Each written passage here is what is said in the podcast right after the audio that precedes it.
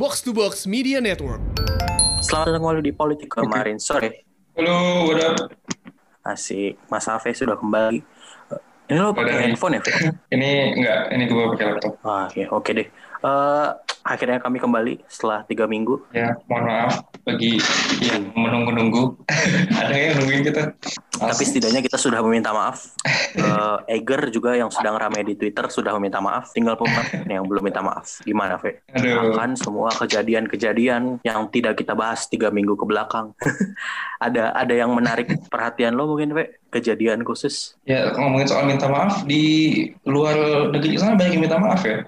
Perdana Menteri, Perdana Menteri, Ya. Presiden-Presiden itu banyak yang minta maaf Oh, soal, iya, iya. soal soal naiknya kasus COVID dan naiknya death death rate. Tapi kalau kalau di Indonesia kayaknya tidak ada politik minta maaf itu kayaknya nggak ada ya di Indonesia. ya. Enggak, Kak. Belum, belum, belum. Tidak boleh menutup kemungkinan. Eh, tapi ada peristiwa yang terlewatkan oleh kita yaitu pengang- pengangkatan Kapolri ya, Pak Ya, Sigit. menggantikan Idam Aziz ya. yang beliau hadirkan. Salah satunya adalah pengangkatan Suam lupa Pam Swakarsa, sorry Pam Swakarsa. sama suara rasa. Eh, Ya cukup ramai diomongin Ngomong. belakangan ini. ya udah padahal udah dua minggu, Ve. Tapi kayaknya konstan segitu-gitu aja ya, Iya. nggak memuncak gitu. Iya. Eh, terus ada yang dituntut mundur dari balai kota oleh partainya sendiri, DPC partainya sendiri. Kita akan Hmm. ngomongin itu nanti Oke. Terkait juga sama revisi undang-undang pemilu yang ternyata katanya hari ini ditolak ya. Oh gitu. Eh, terus juga terakhir nanti kita mau ngomongin vaksinasi mandiri. Hmm. Jangan kemarin tetap di politik kemarin. Dari kan keputusan MK tentang rumput eksekutif sudah dibahas. Dibilang nggak ada naskah eksekutif, eh, naskah ada nih, as- naskah ada, naskah ada kabinetnya. Yang bener aja, apa kita orang tolol semua? Oke, Fe, Oke. kita mulai dari Pam Swakarsa. ya Pam Swakarsa. Sebenarnya Pam Swakarsa ini itu secara gampang apa sih, Fe? Jadi panjangnya adalah pasukan pengamanan masyarakat Swakarsa. Gampangnya adalah ya under bawahnya Polri gitu loh. Jadi polisi punya ke- eh, kepol- institut kepolisian punya polisi sebagai anggotanya. Terus di bawahnya ada ini ada Pam Swakarsa ini gitu loh. Jadi eh, Kapolri punya bawahan, polisi punya bawahan ini gitu loh. Jadi em, ini sebenarnya memang ada legal argumentnya karena di, di diperbolehkan oleh undang-undang. Tapi ya mungkin ke depannya banyak pro kontra. Ini emang pertama kali yang ngomongin Pam Swakarsa ini memang Kapolri yang baru ini ya. Sebenarnya ini tuh udah diprogres oleh Kapolri sebelumnya sih. Tapi nggak nggak Oh, ada gitu. perkembangan sampai akhir kan. Maksudnya beliau udah menginisiasi Mhm. juga sama saat fit and proper test. Tapi nggak ada pergerakan lanjutan. Hmm. Nah ini nggak Mhm. tahu eh, rame tiba-tiba kayaknya Pak Sigit ini serius nih mengaktifkan kembalinya. Hmm. Eh, tapi btw yang gue tanyakan adalah eh, isinya itu polisi muda juga atau karena dia di bawah di bawah kepolisian ya atau orang luar? Eh, itu yang sebenarnya masih belum jelas Em, karena ini kan kita tuh ki- eh, masyarakat Indonesia itu tahu Pam Swakarsa itu sekali waktu, waktu itu ketika tahun 98 Eh, waktu Iya, itu iya, mau iya. ada sidang istimewa MPR em, Mhm. yang katanya membuat Pam Swakarsa itu sebenarnya tentara TNI tapi Oh. em, sampai sekarang itu masih belum jelas sebenarnya dalangnya itu siapa gitu yang membuat Pam Swakarsa itu siapa sebenarnya gitu. itu sebenarnya masih belum Iya, iya, jelas iya. saling tuduh menuduh gitu loh antara Wiranto, Kiflan Iya. Zen dan masih masih belum Ya tahu. karena saat itu pemisahannya juga baru-baru kan. Mhm. Tapi eh, sebenarnya yang ditarik dari kata Pam Swakarsa itu kan Swakarsa itu kan mandiri kalau nggak salah ya. Eh, Mhm. Artinya kan dari masyarakat. Jadi pengamanan masyarakat oleh masyarakat itu sendiri kan. Berarti ini kayak secara tidak langsung eh, polisi dalam hal ini Kapolri menyatakan niatnya untuk eh, apa ya dibilangnya kayak mengangkat secara resmi ormas-ormas yang selama ini itu Mhm. untuk dipersenjatai atau di- dididikin mengamankan masyarakat gitu. simplifikasinya gini ya, gue gue takutin oversimplifikasi, tapi bayanginnya adalah em, lo bayangin pemuda Pancasila, tapi sekarang boleh Iya. bawa sekarang sekarang boleh bawa pentungan, boleh bawa perisai polisi dan boleh bawa gue nggak tahu ada wacana untuk dikasih apa senjata senjata api. Ya ya, ya. enggak lah kalau senjata api worst emang case enggak lah. lah, gitu. Kita aja pakai Iya, peluru worst karet kan. Ya, Nggak maksud lah, gue kan sih senjata gua. senjata api, senjata api itu kan ya, Ya, ya, ya. kemudian bisa jadi peluru karet atau apa segala macam. Ya cuman em, ini menurut gue eh, sangat-sangat kontroversial ya di masa-masa di mana police brutality itu di call out di mana-mana. Police brutality itu kan di Amerika Serikat Ya, ya. di call out, di di jadi dibahas gitu, di British di call out, di Nigeria di call out, di mana-mana di call out gitu. kan selama ini kita minta yang mengamankan masyarakat tuh Polri kan dengan tupoksinya dia lah. Nah sekarang kalau ormas ngelanggar ini nggak sesuai pedoman polisi, apa kita tetap bisa nyalahin polisi? Hmm, nggak nggak nggak jelas juga ya sebenarnya aturannya gimana. Emang belum ada sih, tapi mungkin belum ada detailnya ya. Karena Pak kalau kita ngacu 98 pasti gitu juga bilang eh, jadi bayang Pak Swakarta tahun 98 kan. Tapi ini upaya buang tangan gitu loh, Ve. Eh upaya sembunyi tangan gitu loh, Ve. Kayak yang lo bilang tadi, ini jadinya Iya, jadi mengangkat non pro non polis gitu. sangat sebenarnya. Tapi em,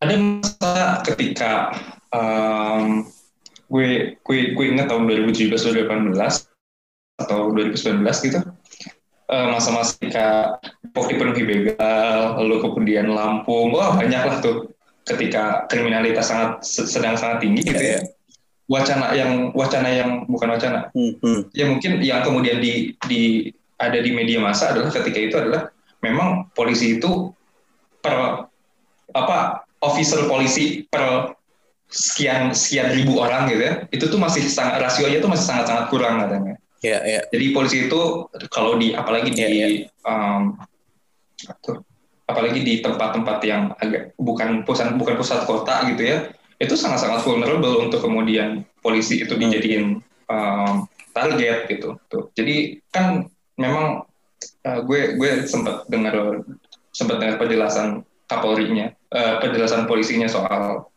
uh, urgensinya Pam Swakarsa ini karena memang di di secara fun- fundamentalnya memang polisi itu masih kekurangan orang gitu loh.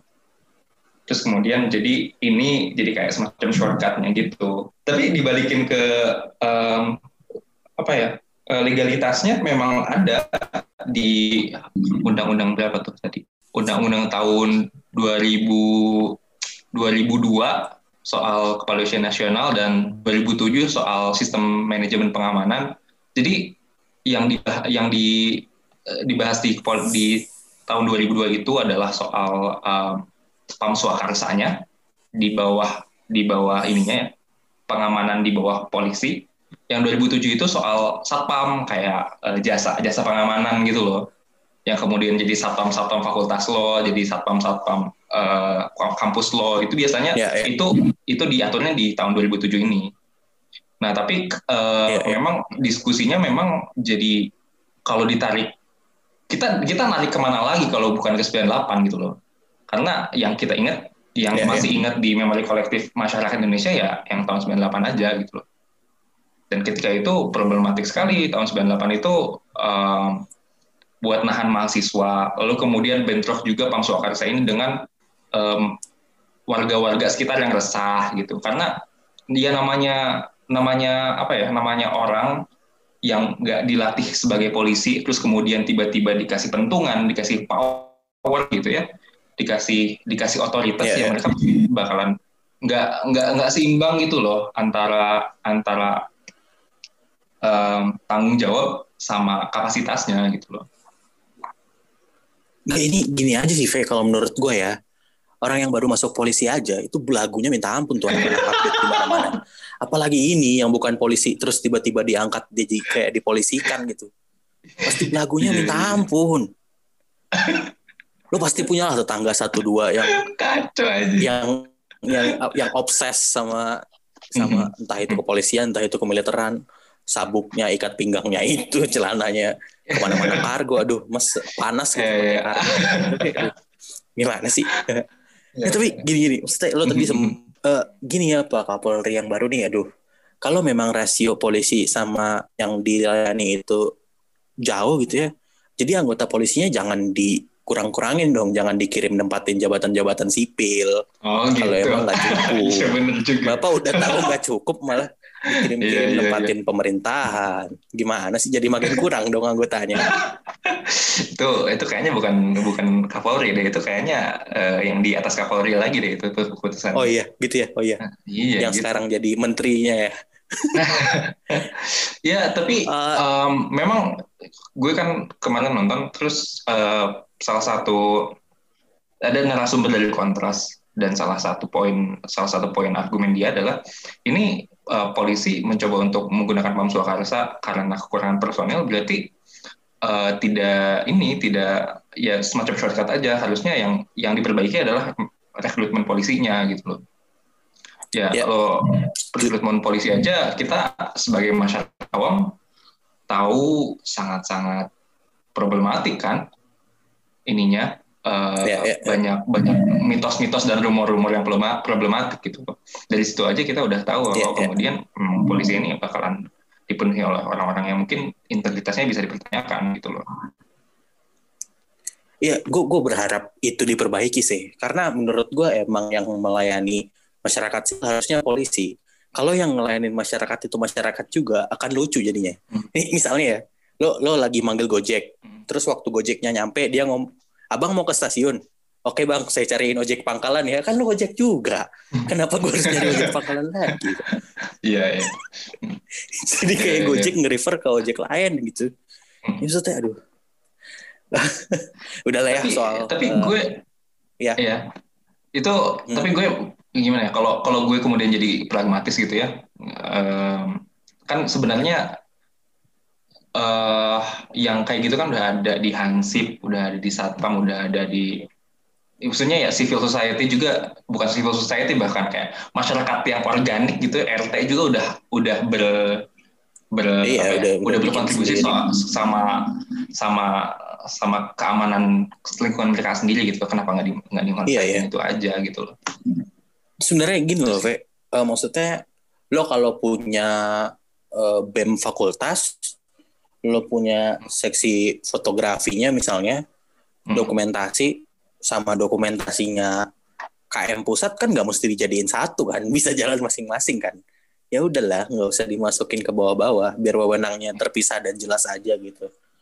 Eh, Oke, kita move on ke se- ke ini ya, ke balai kota. Ada yang dituntut mundur nih sama DP, DPC Gerindra Jakarta Timur. Eh, Jakarta Timur apa Jakarta mana ya? Gue lupa. Pokoknya Pak Ali itu nuntut mundur gubernur tercinta karena Hmm. katanya menyerah eh, dan angkat tangan akan perkembangan COVID-19. hmm, gitu Eh, ini aneh ya sebenarnya. gue nggak ngerti kenapa yang paling terdepan bisa komen adalah DPC sih.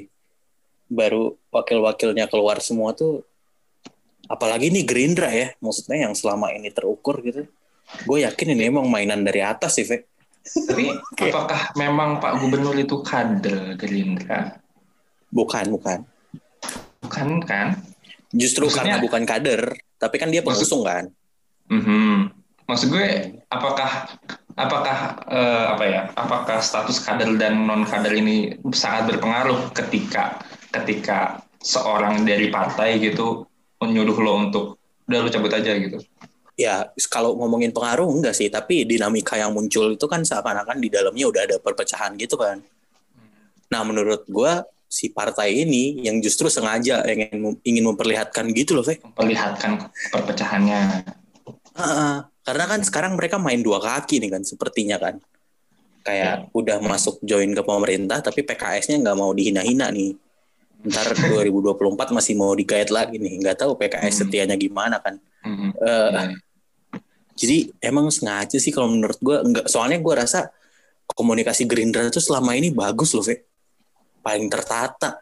Mereka Hmm. udah punya peran masing-masing. Gak mungkin nih DPC satu keluar jalur yang lainnya nggak ada yang ikut nih. gue yakin sih.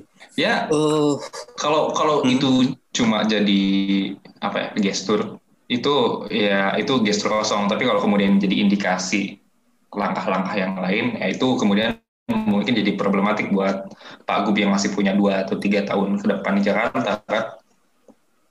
Hmm, hmm, hmm, 2022 Berapa sih? setahun lagi. kan? 2022 ya setahun lagi. Iya, dua tahun lagi lah ya. Lagi, bisa. Enggak lah ini 2021 baru satu tahun satu bulan, Fe. Iya sih, Udah kita tetap aja, aja. tetap aja. Tapi oh terkait sama itu sisa waktu Pak Gubernur sepertinya akan sampai 2022 dan dilanjut oleh PLT karena revisi Undang-Undang Pemilu hari ini resmi ditolak. Jadi masih revisi Undang-Undang Pemilu ini ya masih tetap revisi Undang-Undang Pemilu ini tadinya digagas sebagian partai untuk tetap mengadakan pemilihan daerah di tahun 2022 dan 2023 kan.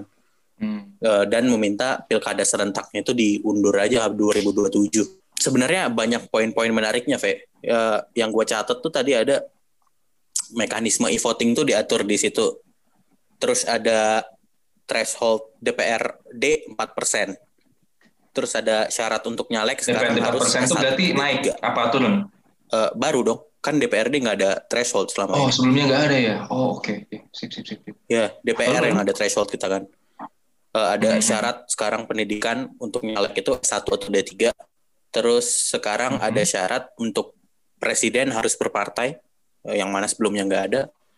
Terus ini yang paling paling paling harus disorot adalah XHTI setara sama PKI sekarang di di dalam eh, draft Rancangannya ya? Ini dalam rancangannya. Wow. Ya, ya, ya, ya, yang akhirnya ditolak. Eh, ada yang mau di, kita bahas cepat? Gi? Threshold Ya. DPRD 4%? Menurut lo, Kalau threshold DPRD 4%, em, kalau kayak gitu berarti yang diuntungkan siapa? Partai-partai besar dong. Ya. Ini Dan berarti partai kecil akan makin mud, makin susah buat survive sih. Ya, maksud gue ada sekian banyak partai yang sekarang nggak punya perwakilan di DPR pusat, tapi kemudian masih sangat-sangat apa ya, masih sangat-sangat eksis gitu loh di Pemda-Pemda. Dominan di daerah. Ya, Ya, betul. Itu yang kemudian mungkin bakalan bikin kekuatannya makin tersentralisasi karena Ya, ya, ya. karena kalau kayak gitu berarti nggak kan ya gue nggak tahu ini what what does it mean to be eh what does it mean to be kader PSI sekarang kalau itu lolos ya nggak Oh, oke itu tadi threshold 4% ya. Eh, gue setuju Iya. sih. Eh, eh, harus satu-satu kan. Gue gue Hmm. baru inget karena bisa jadi dia ngelolosin satu orang di DPRD-nya dan satu orang itu bikin mesin partai dia jalan di daerah kan. Iya, heeh. Ya, gue gue baru nangkep itu. Eh, terus yang ke selanjutnya syarat S1 atau D3 untuk nyalek. Ini gue agak Aduh, bingung sih ngomennya. S1 atau D3 ya? Enggak, oh sebenarnya dia ngomong eh, institusi tinggi. Syarat syaratnya adalah pendidikan terakhir di institusi tinggi, pendidikan tinggi atau setaranya. Yang setaranya gue nggak ngerti. Mhm. Mungkin apa bisa lembaga sertifikasi? Nggak tahu ya. Eh, Eh, nggak tahu ya itu. Nah, menurut itu gua nggak- bener-bener nggak- penting sih ini. nggak penting dimasukin ke undang-undang sih menurut gue. Tapi tapi ini menarik Nah, juga, kalau- menarik juga karena gue pernah baca bukunya Chomsky. Dia tuh dia tuh bilang kayak gini. Hmm. Jadi representasi kita itu eh, harus yang seperti apa? Apakah representasi kita di pusat atau di di pemerintahan mana pun itu harus lebih pintar dari kita ataukah dia harus one of us gitu loh? Mewakilkan, ya. Mm-mm. Jadi apakah dia apakah dia harus lebih pintar, harus lebih capable, lebih lebih ngerti dan segala macamnya, atau dia one of us, literally one of us gitu loh, representasi literally gitu loh. Tapi itu sebenarnya kan em, dua perdebatan yang biar saja berdebat gitu loh, dan nggak Iya, usah iya, iya. ada restriksi soal itu gitu loh, karena kadang-kadang kita butuh yang one of us, kadang-kadang kita butuh yang lebih ngerti dari kita gitu loh, ya kan? Ya.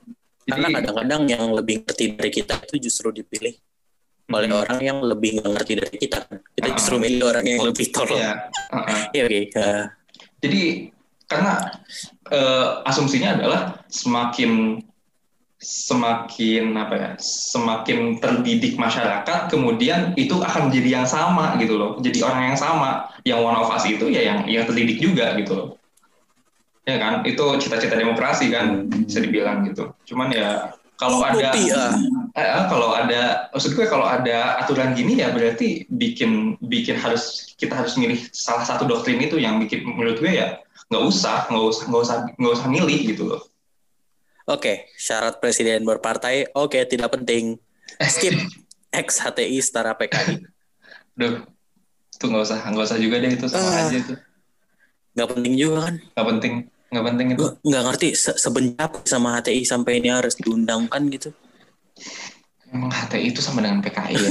Maksud gue yang satu udah udah berkali-kali ya ya udahlah gak usah dibahas lah ya itu buset HTI sama dengan PKI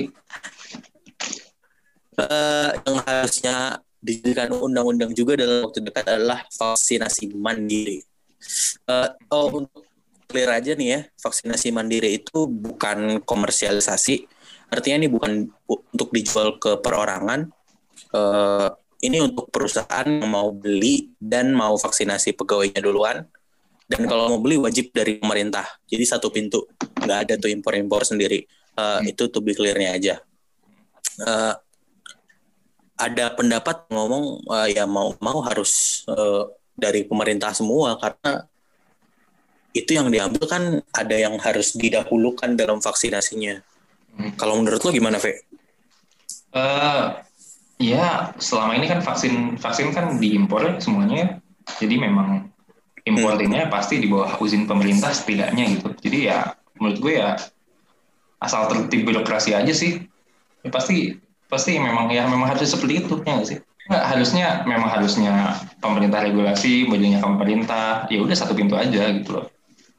Makin Oh, kalau gue, menurut gue harusnya kita ngelibatin private sih, Ve. Harusnya ini ada vaksinasi mandiri menurut gue. melibatkan private-nya itu maksud lo importirnya Distributornya bisa private, tapi importernya udah dibatasi, udah ditutup harus pemerintah. Eh, soalnya kan yang paling penting dalam wabah pandemi kayak gini tuh timeline ya. Eh, Sementara kapasitas kita cuma bisa ngevaksin tuh dalam jangka 2-3 tahun gitu. Kalau mau potong jangka waktu, cara satu-satunya adalah mandiri kan. Eh, yang paling penting kan sekarang waktunya. Karena kalau di dibiarkan di mesin pendingin juga vaksinnya nggak jalan gitu karena kan kita impor per batch tuh sekarang ini masih masih ada mungkin 20% siap vaksinasi gitu. sisanya kan masih disimpan dulu Fe. daripada disimpan mending menurut gua diputar aja dikasih ke yang bisa vaksinin lumayan coverage-nya makin luas makin cepat Ya, eh, ini gue sih poin gue sih sebenarnya soal soal importinnya aja. Jadi jangan sampai Ya, itu udah pemerintah- apa, pemerintah kok. jangan sampai kemudian kayak pem- apa perusahaan multi, multinasional gitu yang kemudian punya link ke link ke internasional negara internasional terus kemudian ya main main impor aja dan kemudian main main vaksin aja gitu. Jadi kemudian nggak akan iya. sama negara Iya, itu iya. itu yang kemudian agak-agak problematik sih. Ya pada akhirnya di sinilah kita itu harus berharap our government itu benar-benar ngerti apa yang mereka lakukan gitu. Jadi kayak ketika kita Iya, iya, benar-benar benar-benar ngandelin government ya di saat-saat yang genting kayak gini gitu loh. gue sih cukup percaya ya maksudnya ininya orang bisnis dua-duanya yang megang BUMN sama Menkesnya lebih ngerti lah Uh-huh. maksudnya mereka ngerti jaga image mereka dan mereka ngerti optimalisasi ini kan Eh, banyak yang protes karena ini ngelanggar UU gitu ngelanggar undang-undang. Undang-undang karantina kan eh, aturannya adalah semuanya mendapat akses yang sama kan. Dan dengan vaksinasi mandiri ini membuat aksesnya jadi nggak sama. Kalau menurut gue dibalik lagi ya yang bikin undang-undang kan pemerintah sama DPR kalau emang lebih urgent buat ngurusin timeline ya UU-nya yang direvisi jangan kebalik UU jadi pengingat doang sih menurut gue sering Ya, banget di I mean- di Jakarta kejadian. Do we actually use undang-undang karantina? Selama ini kan enggak juga. lu, lu tahu ini nggak ada itu apa namanya daftar duluan duluanan prioritas. That's Ah, the word. Ya, prioritas. Mhm. kalau memang ada daftar prioritasnya tinggal dibikin aturannya gitu si vaksinasi mandiri ini harus ngambil berapa persen dari daftar prioritas yang ada gitu. Hmm. kan lumayan ya maksudnya terus Iya, iya. kalau ngomongin satu lagi protesnya kan soal satu pintu satu data ya menurut gua aduh buat kita ini pelajaran pengajaran jarak jauh aja datanya dari seluruh Nusantara bisa satu gitu. Gimana gimana sih cuma masukin data doang? Masa harus dibingungin? Itu staff khusus yang semuanya startup suruh bikin flowchart juga beres. Kayaknya alasan yang ada itu kayak dibuat-buat doang gitu loh Fe. Bingung gitu. Prosesnya nggak ada yang bener-bener sesuai apa ya kayak sesuai prinsip apa yang dilanggar dan nggak bisa sama sekali di di dicari titik tengahnya gitu. Ya menurut gue sih prinsipnya itu sekarang prinsipnya itu sekarang tuh nggak bisa 100% ya kayak oh prinsip uh, pemerintah harus melakukan semuanya segala macamnya. Gue sih yang penting it works aja sih sebenarnya. Kalau itu udah works, terus kemudian bisa mempercepat ya sesuai timeline segala macamnya ya kenapa enggak pragmatis aja. Ada, ada. Ya udahlah karena ini udah putus kesekian kalinya ya. Mari kita akhiri aja. Uh, hmm, mungkin ada poin-poin yang kami lewatkan selama tiga minggu ini. Uh, ada poin-poin yang menarik juga untuk dibahas secara mendalam. Uh, mungkin ada episode 101 selanjutnya. Oke. Okay. Atau topik selanjutnya Uh, silahkan ditunggu keluangan waktu Ave dan Faris kawan-kawan. Mari kita tunggu Ave dan Faris lowong lagi. Uh, selamat mendengar. Uh, makasih sudah mendengarkan podcast ini. Sampai jumpa di episode selanjutnya. Bye, thank you sudah mendengarkan. Oke, okay, Pak.